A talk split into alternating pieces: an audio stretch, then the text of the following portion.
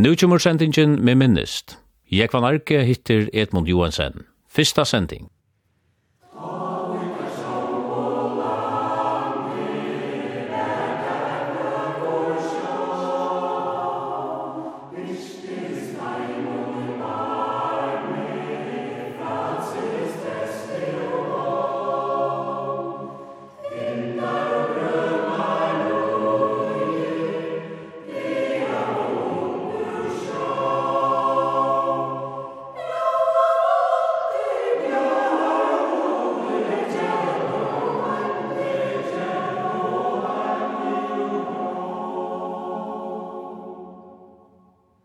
Kjester Tjåkon i dag er fyrverante løgmaver og løgtingsmaver og folketingsmaver Edmund Johansen.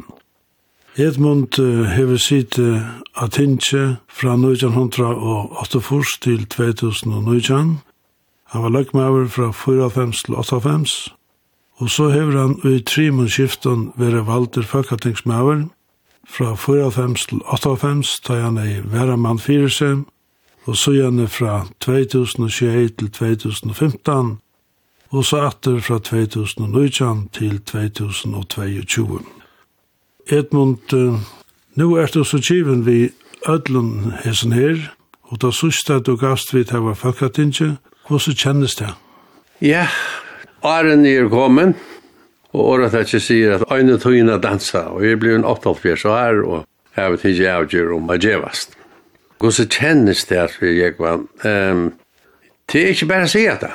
Tui at uh, fra en dag til annan at ledja alt fra seg. Jeg har vært i politikki, hvis jeg tar ikke kommunalpolitikken her nå er ut i halvt hundre år. Fyrir tritt vi er i løktingen og i kommunalpolitikki og være med over i løktingen. Og er Så det er nekka herfra. Lad mig säga det så sånn at jeg har sørst i åren färdast efter och fram mellan Färja och Danmark. Sørst Sist när vi flå i nästan kvarje vik til Danmark att jag var ju som jag kunde nevnt den her nere i Östne. Att det vært funder av til møvlig og slag. Og så har jag vært limra av Norrland, av Rann og Øsne, pluss og i end, vi kallar, vi kallar det utan röjt politiska nämnden som över urageran och krutcher i Europa och avfrier alla stannar og noen fund ofte andre øyne for vikene, og hver fløyre fyr. Så det var nekva gjørst. Og så er det døylovis bygg vi Øyrabakka, men døylovis bygg vi tatt vi Pølkatinju igjen, og vi bor her i København. Og så er det øyne, daglig dæver nu vi er fastast middelen om omføres vi i skifter, og alt det som stinkst opp og i arbeidene nere. Så var det vi har et godt kontorhalt vi fyra folk og Kristiansborg, som arbeider på spyd alle togene, og vi legger et program for de folkene. Vi skulle fyrrøyga okkara mal som vi skulle vujer vi. Så det er nekva fær fra og legger fra seg Så det er ikke bare å si at jeg kommer norra til Øyrabakka, og ikke hava sin her hava, og så tar jeg nekker der erfarner Så slakna telefonen også, Angen, eller angen ringer ikke, men det er øyla fa som ringer, at han møter av fyr. Ta glødde telefonen, alle stedene fra. Så brøytingen er rettelig stør. Men jeg, jeg har bare en chans til å vende meg vitt. Men så er jeg så heldig at um, er i form av fyr um, en fellesskap som gjør en naturlund her når jeg er bakka den her nevnden, hon hever gjørst det så godt arbeid at hon har kjøpt en rikvi av gjør, vi det er ikke minne en 135.000 fermetrar av gjør, det sværa til nekva treier, som vi fyrrøyga til et sort øtje her som skulle plantas trø, og nekva gøter skulle gjerast og, og mengt anna som er kvajan fyrfall av gengoi og vero. Så jeg har til at tror jo jeg lukker vel. Nå, du tar om det grønne, at du hever reist en trø inn i det neknast ikkje. Ja, det er lukka som et um, pilotprosjekt. Har vi fyrir under dette store prosjektet. Så var det øyla godt å hava til luttla pilotprosjektet som vi hava rundt om husene. Vi planta i nokkur tusen trø her. Vi hava en halva trø, alt det er 6 000 som vi kjøpte i sånne trøy og som er gravsett ved trøvån. Og her er det nøkker tusen trø av en som slag, og som har vokset vel. Det er jo vel noe som peiler prosjektet til å få futsing til dette store prosjektet. Det var en ivi om trø fast å veksa, og om økje er egn og så gjør. Men her kan man bare sutja ved egn egen at trø trøvast der. Så det er veldig godt for okko som bygger her, og for at finne vinterseglene vi er prosjekten. Og dette er løytla prosjektet som vi tar rundt om husen, Vi tar planta trøyene så løsner at vi sitter alle som midt inn i ui, disse løytla det, trø er rundt om okken. Og så er det sindra frøy øtje at rett midt inn i ui. Her er rettelig um, negv vinter i tjøknen, det smela sundet. Det trekker nok så negv tjøknen sundet. Det er den smelaste part. Det er brøyar sånne, og brøyar norra fyrir. Men så är vi han för att rundt runt om och så är det som att i en øre land alltså. Vinteren är blivet att kalla borster här som husen är. Ja, vi blir att se det att jag vill sida.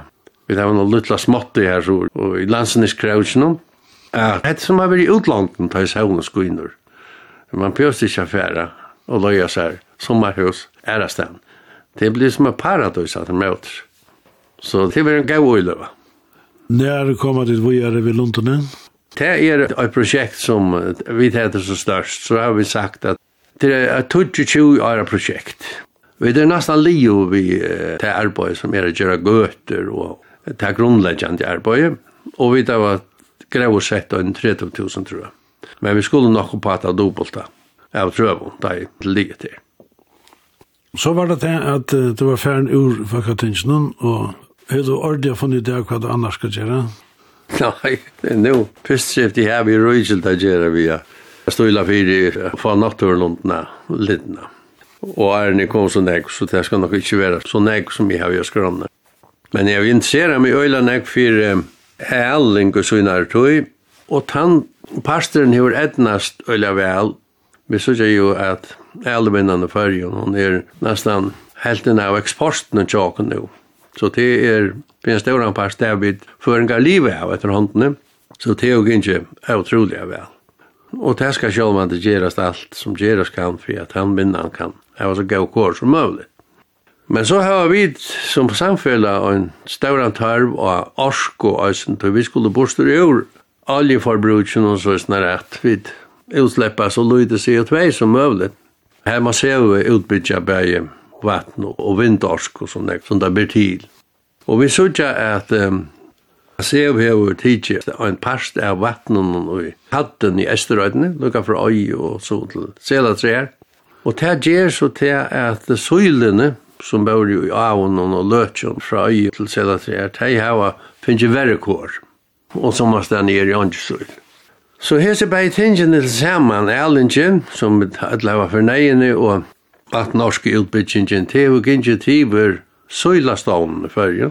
Vi sutja nesten andre søyl i sånt alene, og til sikkert æresten i Øysen. Og til sikkert tver årsøkjer. Han er vattnet, og hitt er um, lusa problemet tja elven. Det er en pastor som er dotter nere i middelen her alltid. Det er nekka som vi åtte just nekka vi. Her atla er mer hjelpa til, hvis det ber, til å få og i let at vi två öktums om søylastavnen og ganske smalaksen å sette ut. Så at um, det som nå er dotten i middelen at det kommer opp at et rymelig støy. Og det kunne vi gjøre nå, til vi vet at hvordan søyl skulle kletjast og hvordan det kunne føvast og sleppast ut emsa stene, så vi kunne saktans hjelpa stavnen opp at Det her. Det er en allmenn oppgave som er forsømt. Så la vi fela i Reiner Svinnulega, men um, det skal møyre til inn tar makta. Så her må det allmenna hjelpa til. Og jeg har så skått opp for døymen at um, Sølastøyen når vi eier, hon var sett av stavn, vi tog fyrir eie av vissa veien for sølæling og for lakseæling. Og man kan si at det er etna så vel at hon har gjort seg sjølvan enn neiva. Og i det så løyer bakkafrostene til særlig endamal, inntil støyen og Skalavøk er klar at det er ikke bruk til dem. Og jeg har skått opp for Sølevøy fjellan at ta jeg skulle søke, er allmenn om å få disse støyene til akkurat det er endamal, at øke om Sølastånen og øke om Laksastavnen. Det kan gjerast alt det vi eier, det allmenn eier det, Og så kan man sätta det ut hver man vil i färgen. Det som er i Sorøyden, eller det er i Norrøyden, eller det är Esterøyden og Stremøyden. Og helst skal det settes det ut her som kanskje laksa laxalose problematikken er minst Det er kom til dømes dömes i Saxon og ute med åter här och forskjelliga ställen. Här som eier er, her som man hellre at møvløkene er. Og til en ekva ställen møvløkene. Bär i Soröjten och Österöjten, Stremøyden og Norrøyden. Det er blir til. Hva er måttøke for hesen tanken kjallar? Nei, jeg vet ikke. Det er sånn som jeg har hørt til at Sølevøyfjellet hever sett han omsøkende landstøyre, så jeg vet ikke mer om det. Jeg hadde ikke der av finnes vær fra landstøyren. Men jeg var det tema som bor jeg etter inntil støyen et høk, men det er en opplagd møvløy for jeg gjør noe vise ting. Og jeg hadde også at um, det allmenne skildar at uh, hjelpa hesen parten, tog han er dotter nere i middelen av tog, nei og utbyggingen ikke. Man kan se orsketarven ikke før ikke og alle vinnene som hever absolutt øyla større tøytning for farger, og helst skal ha enda større tøytning for farger. Og det her er øysene, man kan si, ikke endelig bøgnløys en pengavinna, men det er en opplevingavinna som hever øyla større tøytning for det. Det mener jeg falt ikke i fargen affæra vi søylatravene, laksatravene, og fylgja vi i hvordan naturen klarar sjálv at uh, arbeida saman vi okkom. Og vi sutja eisen i ørenlandene, hvis man vil hava og lønande vinne på skjørtu. Ja, men så kan man bare økja tale man sitter ut, og så fær man eina vinne som til dømes, der finnes jeg Bornholm og Esten, hver og i batar dyrja etter laksen, og der han kommer inn under land. da kallar for trolling, etter laksen. Det er en vinna som er øyelig nekve etterspurt, og større av og fire, og folk kommer til landet, det er ofte enn folk vi uh, synder tjekkere og en bit hava, som setter seg tog av en av vik illa Latvær, om året tilhenda sporsten, det er ikke endelig av nøgden av lakse det snur seg om, men til ferien og sporsteren, og det brukar man nekva pengar til. Det kunne så være Man snakkar om at økja ferravinnene vi falskje som legger pengar etter seg. Det kan så absolutt være en gau pastor til ferravinnene at tidsar av, ferri holdt vi. Så er det, hvis man ser langer frem med togene, nu skal det ikke for negve av, men vi vet at det er etter en gommel vinna i Japan og Alaska at, at kletja laks til noen lakser av torrere slæ, det er ikke atlantaras lakser. Og så fiskar han at det han kommer inn mot land. Arna kommer opp i egen her. Du tar kvaliteteren, ofte han verre tar han. Kom så lengt. Men tar vi også om at havstående har gjort rønter ved at fiska laks når jeg når havet, og, og sett mestjer i regionene, og sleppte han ut av livande, for jeg vet hver han kommer fra. Så visste det seg at han kommer fra landen rundt Danmark og Norra og Skottland og England og han fer upp i det russiske økje øysene inn i Estkjegven og han fer øysen langer så og anker kommer over Øsland men alle disse laksen er at vi økjen når han fer det ser ut som til her han vil være og det setter man så samband vi at her er bæg den rette temperaturen for laks men her er øysene matkoven for laksen og det er sikkert den Någorlunda den samme matkoven som, som vi suttar. Siltastavnen vill vara här och makrelstavnen vill her, og och vil vill her, hvis vissa dyra och ären. Så det er en større matkove som vi har her nå. Og hur veit om ikke akkurat vi har sett lax ut i färgen. min som ligger nærmest vi enn den her matkovan og den her rätta temperaturen som laxen vill være i. kunne vi tog ju nu finns negvan laxa kom i attertillfärger. Så når vi bæg finner den lønande feriemennen på sørtøy, men eisen er et uikast tja uldrabatten, er dist bæg vi turisten og vi tog fyrir eia. Jeg har en av vinnu eisen. Nå varst du en av teimen som var tullja vi i alle vinnu. Jeg halte meg høyre at der at tann i utviklingen som er veri han er veri leie, og det kan eisne mennast det sind meir. Ja, sagtans, sagtans. Og til er særlig sin heiten og sjævnen som vi tar som er alt avgjørende for ælingsene. Og som er sånn da, så er um, nekv etter å gjøre. Tøy at uh, fyren vi da utvikla æling og åpnen her, er vi slett ikke kunna mål. Og her ligger kjempe møvlager rundt om følger. Det er de viser, det er bare en spurninger om tog og en spurninger om teknikk Ta släppa vi till Sansoy Louis Nego lättar vi lösa problematiken och vi får ösna minnesvinn och vi får mer för förra. Ta vi det ut i öppen här. Det hade vi det var så så tydliga vi utvecklingen av ärlingarna.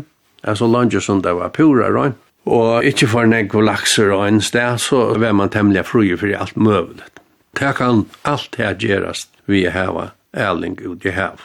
Så det har jeg vidt etter. Og det er ikke sikkert at det ikke er det aller største. Edmund, nå har du sitt i Falkatinje i Nekvar. det har vært i høvesmal være av Falkatinje? Nei, men sier det så er sånn at um, da jeg kom inn i politikk i Åttefors, så gikk bare øyla stått tog inn til færja for i husagang. Og jeg ble farmaur i flottsjonen, bant æren færja for i husagang, det var 92 og kom så kjøtt av løgmaur som i 94. Og til skøye lærte meg gussie fra 94 til 98. At dette her kunne ikke halda fram vi en spenning under middelen fyrjar og Danmark. Det måtte gjøre snakka vi. Og jeg vil alltid som sambandsmaugen innfyrir at vi skulle hava en utvikling i fyrjan.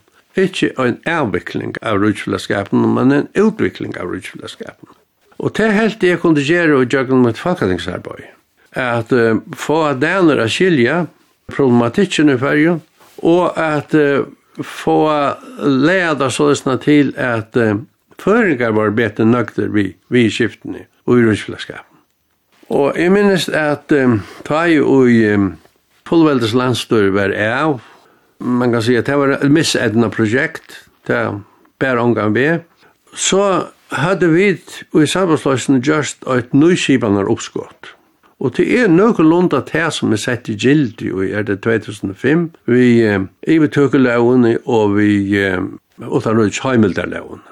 Vi sendte et eh, blæ og kvart hus ved en oppskott om hvordan vi mitt hildi at færger skulle skipas, det skulle vi en nyskipan til, vi kallar det en nyskipan, og det her blei sendt til Anders Fogh, som er statsminister då. Og nøkka lunda til kom han att till färjar vi og bjöa i föringon. Jag her på launar Det blev så samtikt Det vil si at nu är heimastursloven av sjåført vi, og tar ut søymildarlov og vi ivetøkkelov. Og det er just så egentlig ankult at alt det som føringar har bruk for tar det snør seg om og tar ut. Vi skifter altså handelsavtaler og fiskeveiavtaler. Det avgjera vi sjálfur utan å spyrja nærkene etter, og ta vi iveteka, så skulle vi ikke spyrja Danmark om vi skulle iveteka det litt, til i vid løktingene som gjør det, men så fylgjet han skiltan vi at vi skulle kjalda det. Før var det så snar at man kunne godt iveteka omsidingene, men ikke gjaldt eller at danskar gjaldt. Og det er et sløyp som vi har enn, vi til at blokkstolen som er gott 600 millioner, er i grunden et ettersløyp av tog at vi da var ivetidje. Og en part av malen, men ikke alt mal. Jeg skal ikke legge noen politikk og gjøre det her, min minnes, men samfunnslokker bare omgang til fire ut, og det gjør det tingen i augrøy. Vi ville heller ha en refusjonskipan værende som man ivetog og, og, og gjør det da ordentlig og ikke halvt. Men så er det snart en og en av politikker alt får ikke alt. Men uh, du hever eisne kunna brukt føreskvirskifte og i time av maland og reist til Fakatingen. Ja, det kan du spørst om hver mal har investeret, men så er det alle som malene som nu, hvis vi nu takker det til man og Heimastursloven, så er det noen mal etter, og her har vi som vi som Fakatingsmenn skulle takke og næve. Det som ligger etter, det er i høvesøyden om fem og alt. Det er stjøtnaskipan, det er heimarattor, det er haksterattor, det er utanrøygens, trygdar og verjepolitikker, og så er det gjaldøyra og peningapolitikker. Alt de tingene ligger etter, og de kunne ikke ivetekast etter pyrskipan som vi hava. Og tog ræver om å få at de avvirka så vel. Hvis man hukse om vergemalene nå til utanrøygsmalene, så har det vært en vilje fra danskar suje at um, Ferjar og Grønland øysene skulle inndreast og avgjernar som vi var i Ferjun og som vi var i Grønlandet, bægi ui verje malen og i åttanans malen. Så det er at uh, de heimastøyrande bægi føler seg trygg vi vidgjerna og vi avgjerna. Og i tog sambanden er um, et samstagsråd gjørst middelen danske stjøtene og førska landstøyre og grønlandske landstøyre. Her som man um, tog seg sammen til nok særlig embedsfølgjene som tog seg sammen, man kan si om ikke daglige, men i høylen. Og så møtes det tar politiske høvdingene, kan man si, og løgmaver og den grønlandske og statsministeren, og innenfor må minst, og hyggelig på det politisk. Og det ser ut som at det er ferdig å virka. Og omfram til jeg har så stjøtene sett i gilde, sammen med landstøren, og et, man kan si et rom, et hemmelig rom, som uh, ikke kan iverhøyrast, hver og stjøtene er i bavn London og kunne ta seg sammen om mål av døren tøtningen. Man må jo til at da det kommer til å være mål og hernavar mål. så er ikke alt som kan utbasonerast, det må haltast, datat kroppen om vi kvørst. Så her er negv hent av hesen her, utan røyt så verje politisk økjenon, som stender av papuren at vi ikke har vi å gjøre, men som nu er blivet en målsøkje som alle parster lotak i. Så har vi vært på tal at tingene skulle gjøre det samme, altså folketinget har vi sånne utanrøyts politiske nevnt, som er grunden til organet som styrer utanrikspolitikken og verjepolitikken. Grunnlagen sier jo til at det skal veljas av folketingets midte, alltid det stender, altså. I grunden er et ikke større flokkene er, hun kunne kalla det. Men grunden sier til alle flokkar og hese nevntene. Jeg hadde jo bare 22 folk her nere. Og det er hon som styrer utanrikspolitikken til Danmark og verjepolitikken. Og det er vikelig er vikeliger fundur mittel Ottarøysrahan og Vermanrahan og først er statsministeren vi om hese vidskiftene.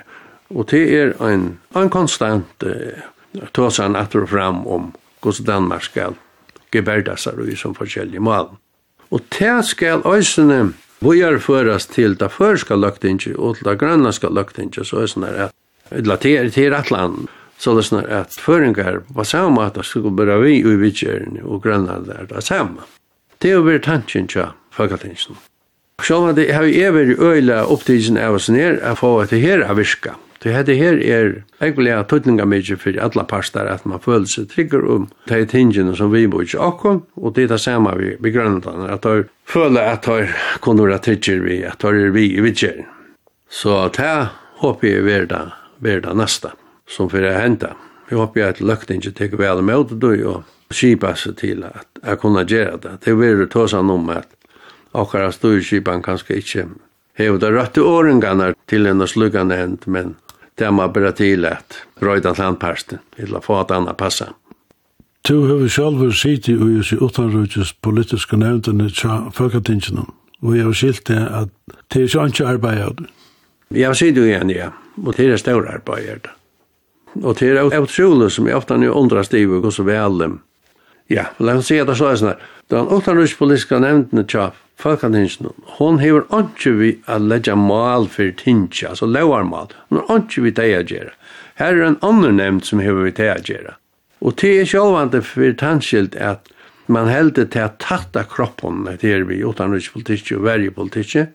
Det er bare i middelen nevntene og ministernar det er internt i stjøten og i folketing. Det er ikke så politisk prega som alt annet er, i utanrøys politisk nevnt. Her er et øyla godt samstarve mellom alla flokkar. Det har vi lagt mest til. Og det er det lattare å få oss vi, og lattare å debattera. Omframt vi gjerne i utanrøys politisk nevnt, så har det vært eina for om året minst en debatt om føresk og grønnas vidskift, og det har veri ui sjálfum folketingsen. Og det er vært en ekvelig interessant debatt. Det er nekka nytt som statsministeren hever steg fyr å få av jøkken først. Og ut fra tog så teker stjøtnen ofte teker politikk opp, og etla sutt bestikk av hver tarver er av at vi ikke er av til og, og Grønland. Så det er ekvelig hoalit. Omfram til så er det fyrspårningar alltid i tingene, og til eisne særlige avsett når det er spårningar av røydespellerskapslion slæ, så løsner at Førjar og Grønland slipper fram et, fyrst og Arn hinner slipper fram et. Det er eisne en måte at på avvarskan og politikken på. Det er egentlig interessant. Oftan er det så løs, eller vi kvørst i hvordan så er, at vi er skiftene er ikke det samme og i fargen som i Danmark, og folk som flyter midtelen, det kunne komme troblager. Ja, det er en rettelig viktig pastor Øysene som du nevner her. Vi har arbeidt vi, vi kallar det for grensehindringar, altså marknava foringar som er i middelen landen i russelaskapen. Og til er sjálfandi ikkje så undalit, og vi har tru lauga av ting, Danmark, Færgen og Grønlandet, og launar sier ikkje alltid det samme i alle London. Og tog er så viktig at Vi tåsa samme mål og i lauen og tar og i det snur seg om at folk skulle flyte, eller måla kanskje folk skal flyte mittel landene. Og det kan være folk som flyta til de har bruk for flyta, og de skulle flyta sånne pensjoner vissar til døvne, nevner bare hvor dømer. Etla det er folk som får badna fra drottet, loksår og flyta til Danmarkar, etla, etla andre som, som er i Arvesen i Danmark. Det er et arbeid nek vi er få oss i her um, tingene synkronisera i så at det er lagt tja folk tja flyt i middelen. Jeg leie et oppskott fyrir folketinget om at uh, ministerne skulle avtaka seg seg her oppgavene at uh, taka vel med åter ta i og uh, man sa at her var uh, ting som ikke var uh, smittelige middellandene skulle ta seg av. Det ble samtidig. Det var sindere toan om det oppskåttet. Helle Tarning-Smith var fortsatt da, og jeg var i anstøv. Men jeg boja så vi sin her oppskåten inntil løyer var og det ble samtidig av ødlun flokken og i folketingsen. Så det stendet som er størst oppskått, alle ministerne føler seg av ansvar av at avtaka grønseforingar, eller marsnava foringar, bare for Grønland og for Førjar. Så det var, det var kjempegodt. Hva er det snill du brukte du for å få oppskudd i kjøkken? ja, nu kan jeg si at det, nu er ferdig fra. Det var så løsner at øyneslisten var på stjødene, og det var en tog hvert av våre bilfornærmeier og en av stjødene. Og jeg spørste Arjen om da vil de takke undervisning oppskottene, jeg spørste alle flokkene, nei, stjødene vil, vil ikke takke undervisning. Men øyneslisten da han var fornærmet over, så ville de gjerne ta undervisen oppskott. Det hele var funnet oppskott. Det var døysen. Ta jeg finner ikke øyneslisten at jeg kom til så fære til hina flokkene og sier videre at nå hadde vi morlått av fyrtøy, og for at jeg ikke skulle ta på ansikt, så var det nok fornuftig at jeg men at jeg kom til vidt. Og det gjør det så alle flokkene. Jeg hadde jævna flokkene ved den sørste, da var det sinte trekt vi at gjøre det at en anstående skulle få et oppskott i søkene. Ettersom det var ferger, så, så finner vi det. Og det ble så samtidig av ødlun flokken, og ødlun tingmannen, og så nærtøy. Og det er godt og størst oppskott. Og så igjen ta er en ekv oppskott av hetseslænen samtikt, og Norrlandarai, nå sett i Norrlandaran Øsne, hever en nevnt som Øsne arbeider vi har få at avtidje grønse hindringar mittel Norrland. Nekva av tøyman er i avtidjen, men det stingast nudj opp alla tøyina, Og øysene tog, ja, sjálvande tog at lauga av tingen er hver sær, men eisene tog at launar kom ofta fra, i Danmark fra EU, eller initiativet kommer herne, så var laugan sett med gilde. Vi da ofta sier at det snur seg om innvandrarar, og ta innvandrarar koma, så er det ofta så snar at det ikke skulle få alla samtunar som vi rujusborgare få, Og så kvart så glemmer der at vi og grønlandar er rudsborgare, og så kommer føringar i klemmetøy i embassfalskene skulle for å lese lovene om hva de skulle gjøre vi omkring som flyter i middelen, så kommer de under trealandsborgare, og det er ganger jo ikke. Så det har vært mål av Tyskland og Østene. Men allers så har vi haft fond vi formannskapen og tingene og Østene ministeren om å få det inn og i kjølt lovgave arbeid, at nu krossar man av om det hever økonomiska fylgjer og om det hever æra fylgjer der man gjer et oppskott. Og jeg vil haft en rut som sier at hever dette avverskan av rutsborgar etla Pørjar etla Grønland. Så embatsfallet kan fenga da og en lovar oppskott vi gjørst. Og det er lukka som ui arbeid nu, hette her oppskott. Og hva er det for trobelagare folk kunne komme ui? Ja, det er av ödlo møvelige. Så det er til dømes at pensjoner skulle flytas til middelland. Det er eit. Anna er badna pengar, altså ta i folk flyte middelen. I øyne hana var det til dømes at øynlige uh, mammer var konar til Danmarkar og var farna skola, og det baden vissar. Så sier loven til at um, folk som var flott til Danmarkar kunne de ikke få av badna pengar. Vi til at det ikke stod, så kom føringar under, det samme. Og det er sjølvande bare av øverst, til man ikke vil uh, oppmerksammer på rutsborgare rett. Nek sånne ting kommer fire. Du nevner at du har vært i Norrland og rann og samståndet som du har vært fakkatingsmær. Det er sånn at uh, jeg har haft et godt samstarv i Vinstadflotjen. Jeg har sambandsblokker av Folketinget, men i velbølge ser man vi Vinstadflotjen. Og vi er i at hørere som tar kalla gruppefonden og, og vi er sammen vidt av dem. Og det er fantastisk å ha haft en større flokk av stiestil. Man finner ikke etgang til alt møvelt av det samme. Og grunden til at det sitter i utanrikspolitiske nevntene, det er bare vinstra flotjen at takka fyrir. Det er han som ikke større, han er jo fyra og fem limer i nevntene, så får jeg øyn på seg av. Det er det samme vi Norrlandarane. Jeg har lagt innskje inn om at bare limer i Norrlandarane, for jeg har fingrene av pulsen her øysene, øysene vi ved grønsehindringene.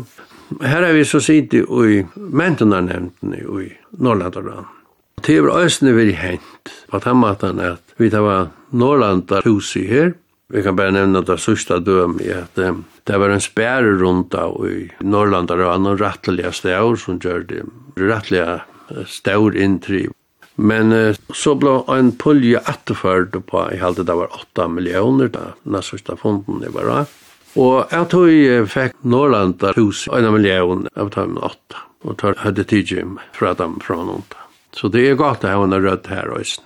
Det norrländska är väldigt viktigt. Man kommer i ett norrländskt forum som man kommer att känna. Man får väldigt några kontakter här och man får upplysningar i mittellandet om ödel möjliga ting. Så det här mot alla togna gärna kan vi, det norrländska. Det har vi kvar sagt att uh, fackatingsmännen tar er den förlangte armeren till de förska myndelagnen i Danmark. Det er nok rett å si det så snar. Så det snar arbeidet som folkestingsmauer, at um, til tingene som landstyret er sett seg fire, er fremja, de skulle vi arbeide vi gjør vi i folketingsen. Og jeg kan nevne at um, landstyret, hei, det var nok et samt landstyret og, og løkting for hans sitt, som ville ha vi gjør i høymilder av åttanrutskjøkken. Og særlig var det teimalene her som rujtje omboa i bæge fyrjar og Grønland, Vi kunne teka en EFC og andre ting som man har en fela støv jo. Her kom det färger og, og Grønland hava kursen sina støv om fiskastavnar og anna. Det ville man sleppa bort ur. Så det snarare färger og ensamhallar, eller Grønland og ensamhall, rådde fyrir sunn. Det var åtta malen. Og så var det til dømes Norrland og Rai som løkting og landstør var samt om at färger skulle hava og limaskap i Norrland og Det har vi arbeidt vi av kraft. Og det må alle, jeg kom nekka alløyst, då jeg at fyrir vi har sagt at grunnloven forar, her er vi kom forboi, og at Danmark er fora, til er vi øysten kom forboi, Så nu er det Helsingfors-avtalen som kan gjøre okkon den her limaskapen. Og i halde at som det ser ut, så er det i ivetikk noen malen at vi får fotland limaskap. Så er det ser det ut, men det kan godt blive og det andre tar det enda litt. Men det er så en mål som er avveis, alltid. Hvordan vi nyaf? Ja, det er mål er ikke løst og lagt i det, som det ser ut nå, men er råkner vi at her kommer en løst om ikke så lenge tog. Parstander er samt om å løse det. Det er bare spørningen hvordan det skal løses. Det her er vel høyhetsretteren felaks, og han ringer å komme utenom men det ble sagt hans til at det var praktiske regler av tog i øysen og søsna rett. Avgjørene og gossier vera sånne som følger og Grønland vil jeg ha det. Vi kvart så har vi funnet at uh, folketingsmannen at uh, det er kanskje hever i us og grammer etter dansk om pengen, så vi følger å få penger fra man undan og i blokktilskåten. Hva sier du til det? Ja, det har vi tørst nekko om, og jeg har vært kanskje en den aller beste til at utnytta tannmøvløyga som det er. Det er jo tvei ting ui snir. Anna er at uh, det er nekko grunnar til ui Kongarusen og Danmark, og tar er lykka vel fyrir Færjar og Grønland som tar er fyrir Danmark. Og til dømes hava vi fudja salt og staurhødl og andre ting. Særlig salt og staurhødl er ur Falkadensen. Og vi har fudja et størst prosjekt som er havgransking over Falkatingene.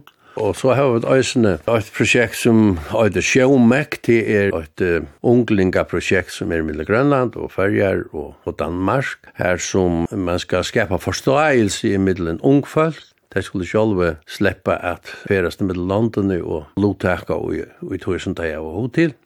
Og så har vi, jeg finner en jatan øysene til sjuklingehotelli i Danmark til dømes, pengar til en søljebuss, som det kallar, og det er et tiltak som fer togina stitta tja daimon som er sjuklingar og sjuklingehotellen og køyra rundt i København og vidja folkatingi og vidja andre ting og så videre, stitta boi togina tja folkje som er sjuk. Det er nek sånne ting som kom opp av venda. Men det største prosjektet, det er havgranskingarprosjektet. Og det er så Folketinget og Havstovan som av festen tog hava vi saman om det. Projektet det byrjar i Reykjavik, det er løgmaver i alder 55, i halde gjennom Røvøy i Norrlandaranum, Reykjavik, hver evni er havstreimannar vi fyrjar og tar møvløkar som havstreimannar skapa fyrir fiskastónanar her om okkara løyer, ta er vi hugsa om og sildena og svarskjaften og makrelen. Og hentan her metkovan som vi tar var några förföljar og kvoi han oppstendt. Og grundaleg fyrir tog til er at vi er så heldig at vi tar en doktor i Havfrøy, Boi Hansen, som har lagt rundt under fyrir her kanningene om, om havstrømmene og har skapa forståelse for hva det er som hender. Det er honom fyrir at takka at dette malet kommer opp, man kan säga politiskt og pengar vi har gjort i Danmark. Jeg atleis så å få av nyrop at gjøre et altsjå institutt i fyrjun, det var jo ikke pengar i fyrrjun, det var jo fyrrjun, jeg var fyrrnar, av husageng, og det ble bare snakk, det kom ikke vujarvitt. Men ta i så Anders Fogh ble statsminister i Danmark, tjei, ta i de tungene vaskalene, nummer 90, og ta var jeg jotta jeg 20 millioner til haugranskynsene. Og i den neste seten var eisene gjøtta jeg 20 millioner, tar Helle Tarning Smith, statsminister, men ta er tvei dansk universitet i Pjoj, pluss hevståan som førran i fyrjon, og ta var eisene 20 millioner, gjøtta jeg. Men så var det ikke attervalder i 15, og så fettler gjøttanen borster. Men så i nøytjant har jeg vært attervalder, ta tar ikke mali oppatter, og ta er det at den større gjøttanen fettler 25,5 millioner er så jotta jeg ta etter. Og nå er prosjektet vukka til Grønland øsene, til, så sier han, vi er rønder inn, inn det som vi var i Holtby. Bostrøvelsen her er kommet nekver um, PhD-er og postdoc-folk. Så vi da finner visende folk av flere stigen på sjuresen her. Og alt er takka ver Boje Hansen som starta da, og så Eilef Gard som var fjord i havstående, som var fantastisk at lägga grund för disse prosjekten. Så tar bara till samman har vi nekva takka for. för. prosjekten er är i gang nu och vi vant okkur nekva på dem. Sikte är självande til att Det er i havstreimene som møter skålstreimer, sånn fra, og den kalde sjekveren som kommer etter havbotten, og norran ur dypen noen som tar møtes og tar skapa etter her løyve som fiskestavnene lever av. Og vi vet om den her øylig havstreima som gong og sorum tjøknun. Norsku rennina, estan fyrir fyrjar og fyrir middelen bankana tjåkn og vesteretter vi under rikvi av æti i pjoi som man enda snakkar om. Av fiskan i vaduavun som er millioner av tonsum. Men her tillegg kom igjen, men det er for nok. Jeg brakte øyne for den fyrla søyden. Men spennende er det her. Og metallig er spennende. Et annet mål er til at jeg tok opp en fradrott som føresk lesande i Danmark skulle få eika. Det var så løsner at at gesta fradrotteren for alla nærmengar som kom til Danmarkar var omløy 46.000. Jeg vil de ha en særlig en fradrotta træt for føringar, for tar tog at tar hadde bruk for i ferast til førja, for ikke å missa sambandet vi sunna familie og så til land, og det var en 1000-1500 som akvarien er lausu i Danmark. Og Så ble innførter en særlig fradrotter for føringar, som råpast er fradrotteren, og han kom så at 346 000, og er gav 36 000, så er snarere føringar i det få omlai 24 000 kroner i fradrottet til sammen. Dette skulle gjerast fyrir at føringar var fyrir fyrir at halda sambandet vi fyrir, kunne fyrir heim med ferie, og hava samband med sina familje og det er jo alt møvlig ting, sommerferie, jævlaferie og føringar der og gjeraferier og kvarta sånn. Som er li og jeg får føringar atter at det ikke følte seg leiser av føringen, kom jeg hjem atter. Og hette er jo så bare det værende så gjenta, Det er jo just størst gagen for føringar som leser Danmark.